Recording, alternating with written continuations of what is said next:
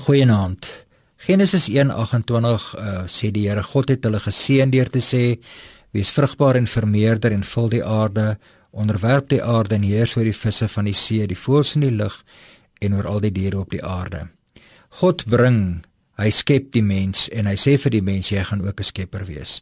Hy gee hulle die opdrag om te vermeerder, om vrugbaar te wees.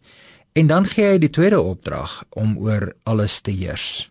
Kom ek begin by die laaste eerste. Om te heers beteken nie ek is die baas en nou kyk ek of ek heers oor wat ander doen nie. Om te heers beteken dat ek dit wat ek aan die Here aan my toe vertrou het, versigtig en verantwoordelik sal hanteer.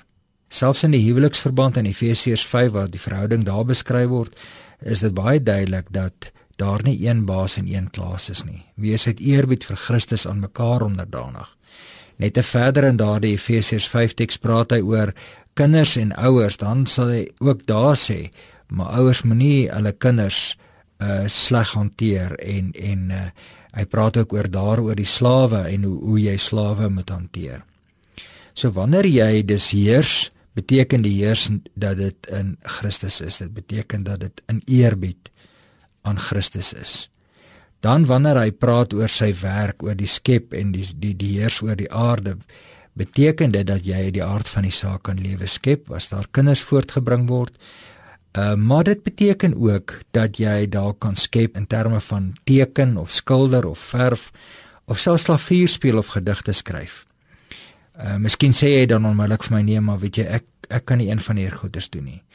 Dan sou jy ook kon sê maar jy skep deur die taal wat jy praat deur die stories wat jy vertel. Dis ook 'n manier wat jy skep. Dis ook 'n manier om vandag vir jou vrou of vir jou maat of vir jou ouers te vertel van wat gebeur het.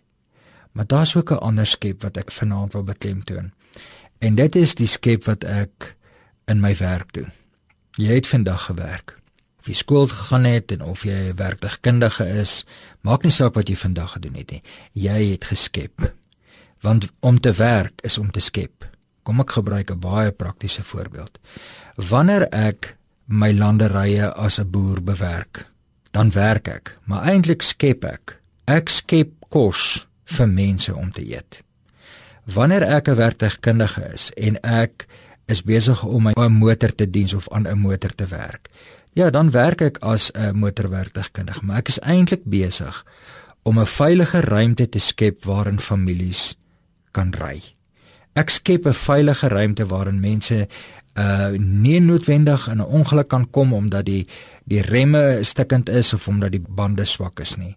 Wanneer ek 'n bouer is, dan bou ek 'n huis, maar ek skep 'n ruimte waarin 'n gesin of waarin 'n familie kan bly. So ek wil hê jy moet vandag uh ook daaraan dink dat jy het vandag geskep deur die werk wat jy doen. Jy het geskep soos wat God wil hê wat jy moet skep en dankie daarvoor. Ek wil vir jou in dit wat jy vandag geskep het namens 'n klomp mense net sê dankie. Dankie dat jy bereid is om te skep. En dankie dat jy bereid is dat jou hande diensbaar is vir God. Amen.